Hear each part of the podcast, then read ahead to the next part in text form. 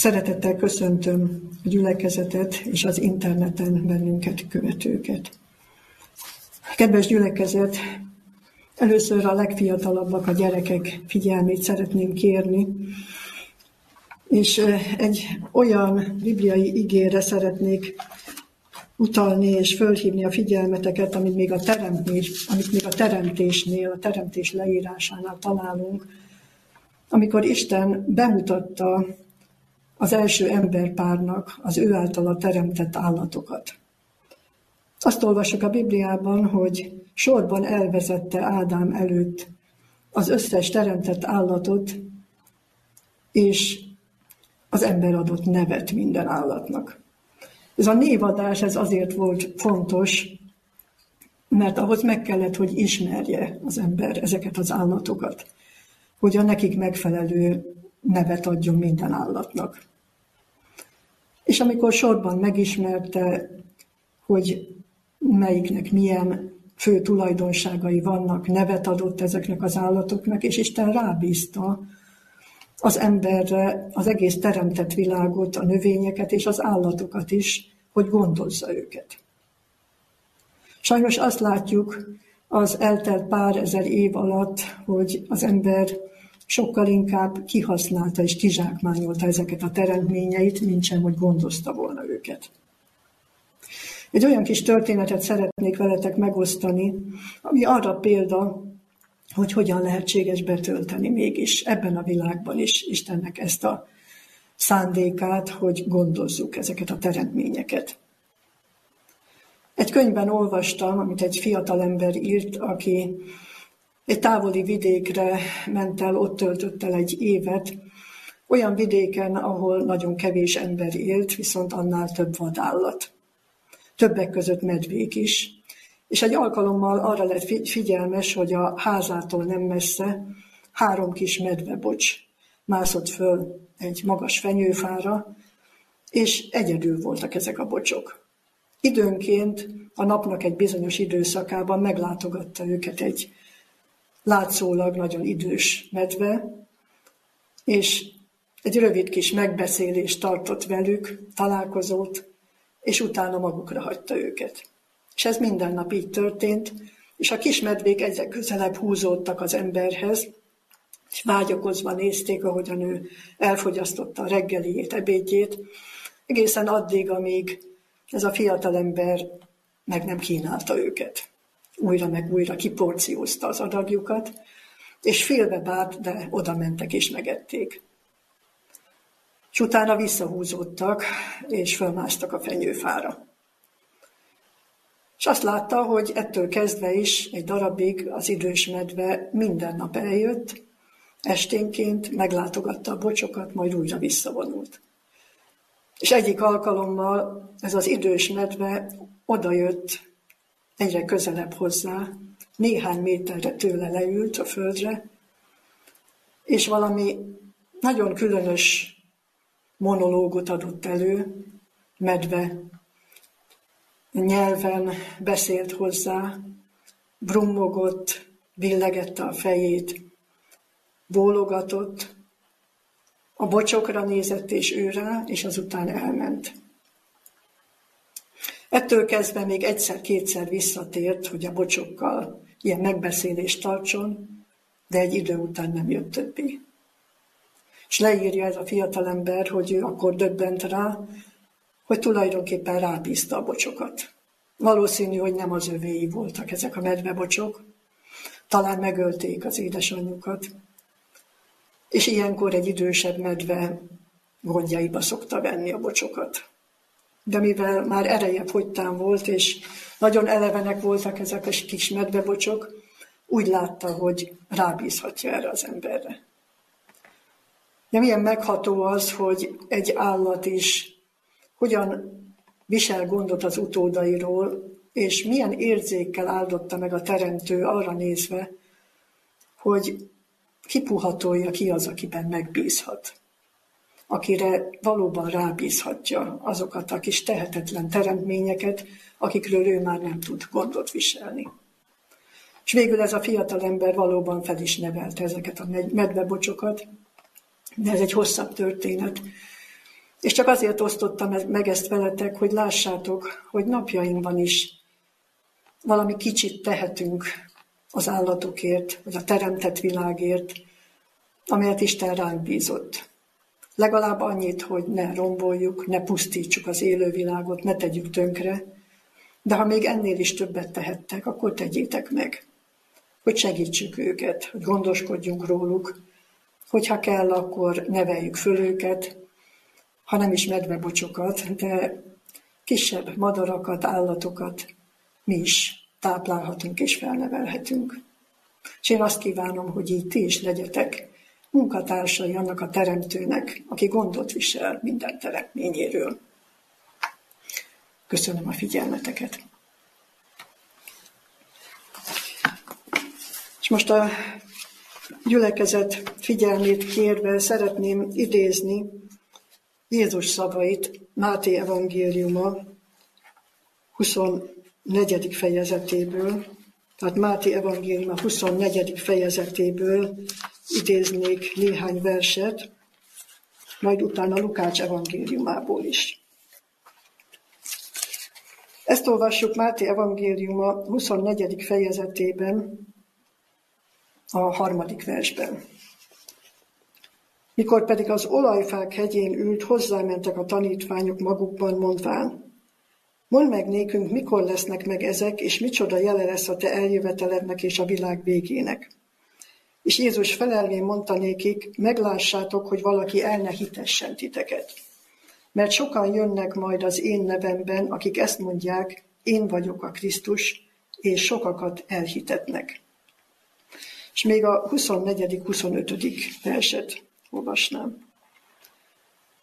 Mert hamis Krisztusok és hamis proféták támadnak, és nagy jeleket és csodákat tesznek, annyira, hogy elhitessék, ha lehet a választottakat is.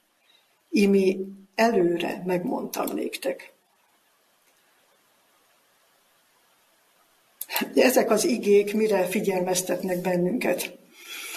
Jézus sok mindenről beszélt az ő eljövetele előtti idővel kapcsolatosan, de vannak olyan felhívásai, amelyek kifejezetten azokra vonatkoznak, akik ebben az időben élnek, és ezek a felhívások mind azért hangzottak el Jézus részéről, hogy komolyan vegyük, hogy milyen veszélyek fenyegetnek mindannyiunkat ebben az időben.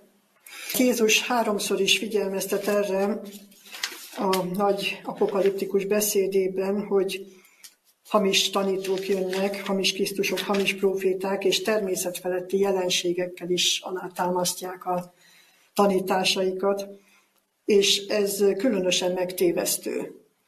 Hiszen napjainkban azt tapasztaljuk, hogy, hogy az emberek nagyon vágynak az ilyen különleges dolgok után, és nem különítik el, hogy vajon ezek honnan jönnek, ami csoda, ami ami természet fölötti, úgy gondolják, hogy az mind jó forrásból jöhet, csak is Istentől származhat.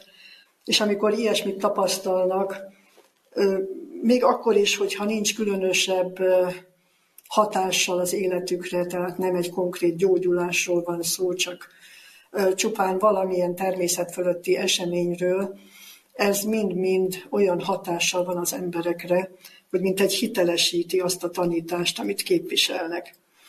Ennek hátterén azt tapasztaljuk napjainkban, hogy a legkülönbözőbb tanításokat be tudják venni emberek, és, és szinte ami modern korunkban hiszékenyebbek az emberek, mint például a középkorban voltak.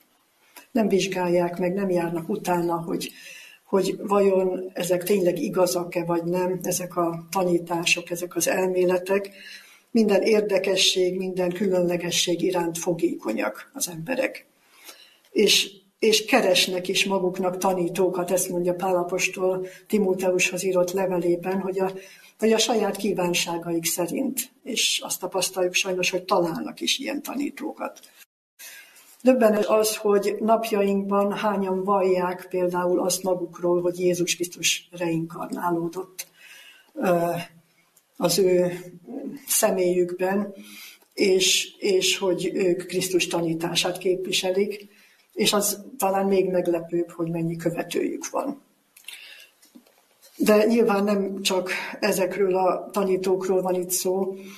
Amikor Jézus azt mondja, hogy az én nevemben jönnek, ez vonatkozhat arra is, hogy a kereszténységre, Bibliára hivatkozva tanítanak, de többnyire a Biblia összefüggéséből kiragadtan ö, egészen hamis elméletek születnek ilyen tanításokból. Hogy többek között milyen bibliai tanításokat torzítanak el, sorolhatnánk a teremtéstől kezdve, egészen a, a bűn miben létéig. Ugye a bűnt is már relativizálták, hogy tulajdonképpen hát nem minden nevezhető bűnnek, amit a Biblia annak nevez, amivel nem ártunk másoknak, vagy ami nekünk kellemes, az talán nem is bűn, és sorolhatnánk tovább. A megváltásról, vagy önmegváltásról is a legkülönbözőbb elméletek terjednek. Az üdvösségről, vagy az üdvösség feltételéről is a legkülönbözőbb keresztény, vagy kereszténynek mondott tanításokat találunk. De talán a legtöbb hamis tanítás éppen a végidő eseményeivel kapcsolatban. Jézus erősíti meg a tanítványai számára, hogy az ő eljövetele hogyan fog bekövetkezni, és mi minden előzi meg. És azért is szól a sok hamis profétáról, mert ebben az időben sokkal könnyebben elhitethetők az emberek, amikor már tapasztalják, látják ezeket a bizonyos válság jelenségeket, akkor nyitottabbak az olyan jóslatokra, amelyek békességet ígérnek, gyors emberi megoldásokat ígérnek, vagy valamiféle más fajtodást, mint amely, amit a, a Bibliában olvashatunk. Tehát amikor Jézus arra utal, hogy az Isten országának ez az evangéliuma hirdettetik majd az egész világon bizonyságul minden népnek, és azzal összefüggésben is mondja ezt, hogy sok hamis próféta támad. Talán érzékeljük, hogy milyen nagy szükség van arra, hogy a tiszta evangélium hirdettessék, illetve hogy az Isten országának ez az evangéliuma. Ami eltorzult változatban, ezerféle változatban hangzik világszerte, a kereszténységen belül is, Bibliára hivatkozva is. Néhány dolgot hadd említsek. Nagyon sokan képviselik azt a az elképzelést, hogy Jézus nem valóságosan, szemmel láthatóan fog megjelenni az ég felhőiben, hanem ez csak egy szellemi eljövetel lesz. Vagy pedig, hogy a világ fog majd erkölcsileg felemelkedni odáig, hogy hogy az már az Isten országának nevezhető. Neves teológusok képviselik ezt a nézetet. Vagy pedig, hogy, hogy most az emberiség összefog majd, különösen, hogyha keresztény háttér az összefogás, akkor megoldódnak azok a problémák, amelyek most a válságot idézték elő. Vagy pedig, hogy nem is szükséges Jézus eljövetele azért, mert az üdvösség úgy valósul meg, hogy az ember lelke megy bizonyos helyekre, vagy a mennybe, vagy a büntetés helyére, és sokan már nem hisznek a föld valóságos újjáteremtésében, vagy abban, hogy lesz igazi feltámadás, testben való feltámadás, és hogy a megváltottak örök élete majd az újjáteremtett földön folytatódhat tovább. És sorolhatnánk még ezeket a különböző elméleteket. De még egy ige szakaszra szeretnék utalni, szintén Jézusnak ebből a beszédéből, amit a végidőkre vonatkozóan mondott, ezt pedig Lukács evangéliuma 21. fejezetéből idézném a 34. verstől a 36. terjedő versekben. De vigyázzatok magatokra, hogy valamikor meg ne nehezedjék a ti szívetek dobzódás, részegség és az élet gondjai miatt, és váratlanul leátok ne jöjjön az a nap. Mert mint egy tőr úgy lep meg mindeneket, akik az egész földszínén lakoznak. Vigyázzatok azért minden időben, kérvén, hogy méltókká tétessetek arra, hogy elkerüljétek mindezeket, amik bekövetkeznek, és megállhassatok az embernek fia előtt. Itt is hasonló felhívással találkozunk, mint az előzőekben, ezt mondja Jézus, hogy vigyázzatok. Az előző figyelmeztetésekben ezt olvastuk, hogy előre megmondtam nektek, hogy valaki el ne hitessen titeket, erre vigyázzatok. Itt pedig egy olyan veszélyre figyelmeztet, ami nagyon is kapcsolódik ehhez. Ezt mondja Jézus, hogy meg ne nehezedjék a ti szívetek. És hogy hogyan kapcsolódik az előző figyelmeztetéshez, dobzódás, részegség és az élet gondjai miatt egy, egy picit talán pontosítanám, illetve a szavaknak más jelentésére is utalnék ezzel kapcsolatosan, hogy mi is ez a dobzódás és részegség. Nagyon sokszor ugye túllépünk Jézusnak ezen a figyelmeztetésén, mintha ez ránk nem vonatkozna. Többek között ilyen jelentése is van ezeknek a szavaknak, hogy túlterhelődés, csömör. És azért gondoljunk bele, hogy a modern korunkban ennek mekkora veszélye van csömör nem csak a ételtől, italtól kaphat az ember csömört, hanem sok minden egyébtől is. Ami történik vele, vagy amilyen híreket hall, lát nap mint nap. Túlterhelődés. És itt is elsősorban gondoljunk a lelki-szellemi túlterhelődésre. A mi korunknak az egyik nagyon nagy problémája az, hogy, hogy tele vagyunk információval hogy túl sok az információ. Olyannyira sok, hogy az ember agya fel sem tudja dolgozni.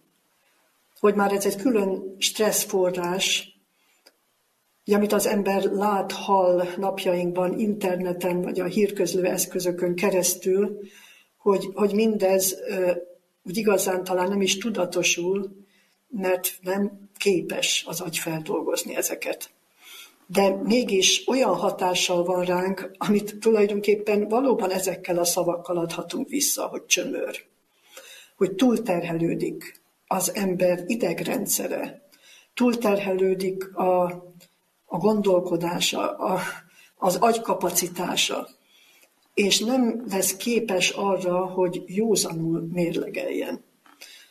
Tehát ebben a hatalmas nagy információ özönben az emberek már nem is tudnak utána járni, nem tudnak válogatni, nem tudnak meggyőződni arról, hogy ez valóban megállja a helyét, az az információ, az a hír, vagy pedig éppen hamis. Talán már késztetésük sincs arra, hogy, hogy utána járjanak. Tehát Jézusnak ezek a szavai nagyon is modern jelenségre utalnak, amikor lelkileg, szellemileg terhelődik túl az ember és csömörlik meg. És amikor részegségről beszél, hasonlóképpen utal a lelki részegségre, illetve arra, hogy meg kellene őriznünk a józan gondolkodásunkat. Tehát a mérlegelés képességét, hogy meg tudjuk ítélni, mi a helyes és mi a helytelen. És erre is nagyon sok helyen figyelmeztet bennünket az ige más bibliai helyeken is. Hadd utaljak Péter apostol első levele negyedik fejezetének hetedik versére. Amikor ezt mondja az apostol, a vége pedig mindennek közel van, annak okáért legyetek mértékletesek és józanok, hogy imádkozhassatok. Tehát itt Péter apostol kifejezetten a végidőre vonatkoztatva beszél erről, hogy, hogy ebben az időben nagyon kell ügyelnünk arra, hogy józanok legyünk, józan gondolkodásunk legyen, tudjunk különbséget tenni. Egyáltalán meg tudjuk vizsgálni, hogy mi a helyes és mi a helytelen. És a mértékletességre nem csak abban a tekintetben van szükségünk, hogy mit teszünk és mit iszunk, hanem hogy mit viszünk be a lelkünkbe, milyen lelki táplálékot fogyasztunk. Hogyha megnézzük azt, hogy mi válik egészségünkre a fizikai táplálékunkban, és hogyha erre vigyázunk, akkor még inkább kellene ügyelnünk a lelki táplálékainkra is. És ezt különösen komolyan kell vennünk most, amikor bombáz bennünket az internet minden oldalról, Meg kellene szűrnünk, hogy mit engedünk be a gondolatainkba, mit nézünk meg, mit olvasunk el, egyáltalán mi az, amivel engedjük, hogy foglalkozzanak a gondolataink. És itt szeretnék egy másik igét is idézni a Filippi beliekhez írott levél negyedik fejezetéből, a hetedik és nyolcadik verset. És az Istennek békessége, mely minden értelmet felülhalad, meg fogja őrizni szíveiteket és gondolataitokat a Krisztus Jézusban. Továbbá, atyám fiai, amik csak igazak, amik csak tisztességesek, amik csak igazságosak, amik csak tiszták, amik csak kedvesek, amik csak jó hírűek, ha van valami erény, és ha van valami dicséret, ezekről gondolkodjatok. Ez egy nagyon pontos leírása annak, hogy milyen szűrőt kellene alkalmaznunk, akkor, hogyha ha nem szeretnénk elveszíteni a lelki józanságunkat. Hogyha nem szeretnénk azt, hogy, hogy, hogy a gondolataink tisztátalan, vagy éppen hiába való ö, információkkal és, és gondolatokkal teljenek meg. Ezt mondja tehát az ige, hogy amíg csak igazak, és akkor itt szeretnék utalni az előző témánkra, hogy, hogy hamis tanítók, hamis, hamis jelek, csodák támadnak ebben az időben. Tehát, hogyha megvizsgáljuk, hogy igaz-e, akkor, akkor már is túlléphetünk rengeteg olyan információn, amit nap mint nap láthatnánk, hallhatnánk, akár interneten, akár egyéb eszközökön keresztül. Nyilván nincs arra szükség, hogy az összes információt leellenőrizzük, hiszen erre képtelenek is lennénk. Az igének van egy ilyen felszólítása, hogy ami gonosznak látszik, attól őrizkedjetek. Tehát a, a Biblia szerint a hívő emberben ki kell, hogy fejlődjék egyfajta kontroll, illetve egyfajta e, ilyen ítélő képesség, hogy ami nem a jó pásztor hangja, ami gonosznak látszik, ami, ami már előrevetíti a, azt a, a csalásnak a gyanúját is, attól őrizkedjünk. Ami gonosznak látszik, attól őrizkedjetek. Tehát nem szükséges mindent megnézni, mindent elolvasni, és utána majd mindennek utána járni. Nem lenne elég a nap 24 órája ehhez, hogy ezt megtegyük. Amik csak igazak, hogyha már felmerül bennünk a gyanú, hogy ez, ez nem is igaz, ez csak egy, egy olyan mese, amit emberek szórakoztatására, vagy éppen megrémítésére találtak ki, vagy torzítottak el, akkor már is léphetünk tovább. Utána így folytatja, hogy amik csak tisztességesek. Az információknak egy másik fele pedig itt fog kiesni ezen a rostán, hiszen még ha igaz is valamilyen hír, de nagyon sok esetben semmiképpen nem tisztességes, és ahogyan tovább folytatja, hogy jó hírű, és hogyha van valami erény és van valami dicséret, tehát ami jó felé készteti az ember cselekedeteit, vagy éppen a gondolatait, azokkal foglalkozzunk. Tehát mindezek hátterén át kell gondolnunk mindannyiunknak, hogy hogyan viszonyulunk a média különböző információihoz, illetve milyen szűrőt használunk, amikor élünk ezekkel.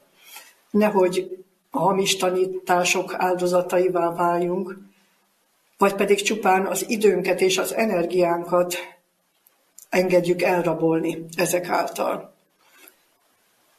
És ahogyan Jézus is fogalmazott, hogy a józanságunkat őrizzük meg. Mégpedig éppen annak érdekében, hogy tudjunk különbséget tenni az igazi, a tiszta bibliai tanítás és a hamis tanítások között. Néhány gondolatot szeretnék olvasni Ellen White-nak az Üzenet az ifjúsághoz című könyvéből. Jól kell őrizzék a belső világukba vezető utakat azok, akik nem akarnak sátán cselvetéseinek áldozatot esni. Kerüld annak szemlélés, olvasását vagy hallgatását, ami tisztatalan gondolatokat ébrez bennük. Ez komoly imát és szüntelen éberséget követel. Tehát a belső világunkba vezető utakat jól kell őriznünk. Mindazok szemlélését, olvasását, hallgatását kellene kerülnünk, ami akár tisztátalan gondolatokat ébrez bennünk, vagy pedig csak egyszerűen elveszi azt a képességet tőlünk, hogy már tudjunk különbséget tenni jó és rossz között. Szeretnék most visszatérni annak az igének a figyelmeztetéseire még, amit Lukács evangéliumából idéztünk. Hiszen itt Jézus arról is beszél, hogy az élet gondjai miatt is megnehezedhet a szívünk. És ez mindannyiunkra vonatkozik szintén. Az élet gondjai bizonyos vonatkozásban mindnyájunkat terhelnek, de azt nem szabad megengednünk, hogy emiatt megterhelődjön a szívünk olyan mértékig, hogy elveszítsük az érzékeinket, a, a vágyakozásunkat a mennyei dolgok iránt. És a nagy ellenség pont erre törekszik, és ezt próbálja meg, különösen a végidőben, Isten gyermekeivel is, hogy lekötni, lefoglalni a hétköznapi gondokkal, még akkor is, hogyha ezek önmagukban nem bűnös dolgok, és mégis veszélyessé válhatnak. Gondoljunk Jézusnak arra a példázatára, amit a nagy vacsoráról mondott el, és ott azt mondta, hogy a hivatalosok, akik tehát már tudták, hogy lesz menyegző, akik valamilyen mértékig talán készültek is rá, de amikor már minden készen volt, amikor az utolsó felhívásra kellett volna hallgatniuk és indulni a menyegzőre, akkor mindenkinek akadt valamilyen kifogása. És azt látjuk ezeknél a kifogásoknál is, hogy önmagában egyik sem bűn. Az egyik azt mondta, hogy ötig a ökröt vettem, ki kell próbálnom. A másik, hogy szántóföldet vettem, meg kell néznem. A harmadik pedig, hogy feleséget vettem. Munkáról, munkaeszközökről van itt szó, és családról, tehát egyik sem bűnös dolog önmagában. És mégis akadálya lehet annak, hogy elfogadjuk Krisztus meghívását az üdvösségre. Akadálya lehet annak, hogy a mennyei dolgokat helyezzük előtérbe. Hogyha teljesen lefoglalja az időnket, az energiánkat, a, az odaszánásunkat, az erőnket, az, amit ezen a földön teszünk, akár a munkánk, a hivatásunk, a tanulás, a, a családunk, ha olyannyira lefoglal bennünket, hogy az Isten országára nem tudunk elkészülni, hogy az ige tanulmányozására nincs időnk, nincs energiánk, hogy már nem vagyunk igazán éberek, amikor elővennénk az igét, nem tudunk arra koncentrálni, hiszen elfáradunk a mindennapi tevékenységeink során. Gondoljunk erre is hogy ez ugyanúgy probléma lehet. Tehát az élet gondjai is ugyanúgy megnehezítheti a lelkünket, a szívünket, és, és megakadályozhat bennünket abban, hogy elkészüljünk Jézus eljövetelére. Jézus nem akarja, hogy váratlanul jöjjön ránk ez a nap. Utána beszél arról, hogy mint egy tőr úgy lep meg mindenkit, és mert ezt ő akarja így, meglepetésszerűen hogy, hogy senki ne tudjon felkészülni rá, hiszen előre figyelmeztetett. Most már mondhatnánk, hogy évezredekkel előre figyelmeztetett mindenkit, hogy mi várható ebben az időben. Ő, ő újra meg újra felhívta a figyelmet, hogy legyetek készen. Nem azért fog törként meglepni mindenkit, mert, mert ő nem adott alkalmat a felkészülésre hanem azért, mert a nagy ellenség lefoglalja az emberek gondolatait, eltereli az emberek figyelmét, és még Isten hívő gyermekeinek a figyelmét is, ha lehet, eltereli a legfontosabbról, hogy felkészüljenek erre az időszakra. És ezt mondja még Jézus, hogy vigyázzatok azért minden időben, kérvén, hogy méltókká tétessetek arra, hogy elkerüljétek mindezeket, és megállhassatok az embernek fia előtt. Tehát mire van még szükségünk? Amit idéztünk Péter apostol levelében is, hogy, hogy imádkozhassunk, hogy Istenhez kapcsolódhassunk ebben az időben, erre mindennél nagyon szükségünk van. Hogy tudjunk koncentrálni a legfontosabb dolgokra. És ezért mondja, hogy vigyázzatok azért minden időben. A vigyázásban sok minden benne foglaltatik. Az is, hogy figyeljük a körülöttünk történő eseményeket. Az is, hogy észrevegyük a személy szerint ránk váró csapdákat, kísértéseket. És az is, hogy az ige komoly tanulmányozását, az imádságot ne hanyagoljuk el, hogy legyünk ebben kitartóak. És ugye nyilvánvaló, hogy itt nem olyan ígéretről van szó, hogy elkerülhetünk minden próbát és nehézséget a végidején, amikor ezt mondja Jézus, hogy kérvén, hogy méltókká tétessetek arra, hogy elkerüljétek mindezeket, amik bekövetkeznek. Mit kerülhetünk el akkor, hogyha méltóvá tesz bennünket az Úr? Azt kerülhetjük el, hogy ezekben a csapdákban elessünk. Hogy a hitetések áldozataivá váljunk. Ezt elkerülhetjük. Elkerülhetjük azt, hogy, hogy sátán úgy megnehezítse a szívünket, a gondolatainkat, hogy bennünket is páratlanul érjen. Az utolsó felvonás, a, a végső próba. Elkerülhetjük tehát a bukást, ami a legfontosabb.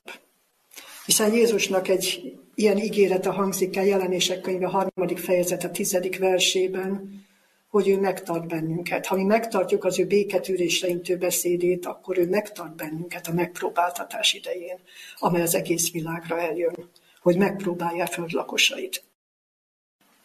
Tehát itt Lukács evangéliumában is nyilvánvalóan erről van szó, kérvén, hogy méltókká tétessetek arra, hogy elkerüljétek mindezeket. Akkor válunk méltóvá arra, hogy, hogy valóban a bukást elkerüljük, ezeket a csapdákat észrevegyük és legyőzzük, hogyha Krisztus tesz rá méltóká bennünket. Hogyha nap mint nap az ő közelében a, a vele való közösségben megerősödünk. Ha nap mint nap az ő igéje élővé válik bennünk. Hogyha ha Krisztus áldozata által nap mint nap arra törekszünk, hogy megtisztuljunk, megszabaduljunk a bűneinktől, akkor ő méltóká tesz bennünket arra, hogy megállhassunk. Megállhassunk a próbákban, és megállhassunk majd, amikor ő eljön az ég felhőin méltóvá akar bennünket tenni, és amikor e- ebben az időben élünk, és ezekről az eseményekről hallunk, és ezt látjuk magunk körül, egyre, egyre harsányabban hirdetik ezek a jelenségek, amiket átélünk, tapasztalunk, hogy, hogy, hogy valóban már a küszöbön van a mi Urunk visszatérése, akkor, akkor mindez mire kell, hogy késztessen bennünket? Ugye erre, erre az ébredésre, amiről itt Jézus beszél, hogy, hogy mi vigyázzunk. Vigyázzunk, hogy nehogy csapdába essünk, vigyázzunk, hogy élő és, és szoros maradjon a vele való kapcsolatunk.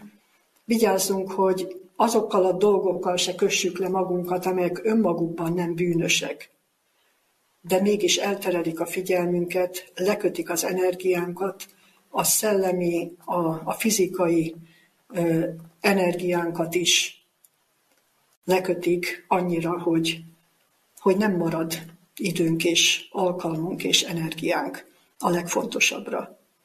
Amiről Jézus a hegyi beszédben így szólt, hogy keressétek először Istennek országát és az ő igazságát, és ezek mind megadatnak néktek. Én azt kívánom, hogy, hogy Isten valóban ebben erősítsen meg bennünket. Krisztus azért mondta el ezeket a figyelmeztetéseket, mert ránk gondolt. azokra a követőire, azokra a gyermekeire, akik ezekben az utolsó nehéz időszakokban fognak élni, és ezekben a próbákban kell, hogy megálljanak. Jézus gondolt ránk, és ezért újra meg újra elismételte ezeket a szavait, hogy vigyázzunk magunkra, és ezeket az ígéreteit is, hogy ő meg akar tartani bennünket, hogy ő nem félelmet akar ültetni belénk, rettegést a jövőtől, hanem reménységet adni nekünk arra nézve, hogy megtart a legerősebb, a legkeményebb próbák között is, ami erre a világra eljön. Segítsen Isten bennünket, hogy valóban meg tudjuk fogadni Jézusnak ezeket a tanácsait, és megállhassunk mindannyian ő előtte majd, amikor visszatér az ég felhőjében. Amen. Imádkozzunk. Mennyei atyánk, hálát adunk neked, ami megváltónkért. Köszönjük, hogy elküldted a mi világunkba. Azért is, hogy példát adjon nekünk, azért is, hogy tanítson bennünket, és azért is, hogy megváltson, hogy bűneink helyett, bűneinket magára véve, helyettünk vállalja az áldozatot, vállalja a kínszenvedést, a kárhozatot. És köszönjük neked, hogy reménységet adtál a mi számunkra, hogy lehetséges megállni a gonoszszal, a sátánnal szemben, még akkor is, hogyha a hazugság jeleivel jön, és csodáival, még akkor is, hogyha túlerővel támad bennünket, Köszönjük neked a te figyelmeztetéseidet is, hiszen olyan sokszor tapasztaljuk ezt a mi életünkben, különösen napjainkban, hogy hatalmas erővel és különböző frontokon támad bennünket, információkkal, hamis információkkal is nagyon sok esetben. Segíts Istenünk, hogy mi ki tudjuk szűrni mindezeket. Segíts, hogy valóban meg tudjuk vizsgálni, mi a jó és mi a rossz, mi a helyes, mi az, ami, ami jó gondolatokat, tiszta érzéseket ébreszthet bennünk, és mi az a tiszta forrás, amire igazán rábízhatjuk magunkat. Add Istenünk, hogy a Te igéd még élő és ható lehessen a mi életünkben. És add, hogy a Te lelked által valóban megtisztulhassanak a gondolataink, az érzéseink. És hogy Te méltókká tehess bennünket arra, hogy megállhassunk majd Te előtted. Ami megváltunk Jézus nevében kértük ezt tőled. Amen. Mit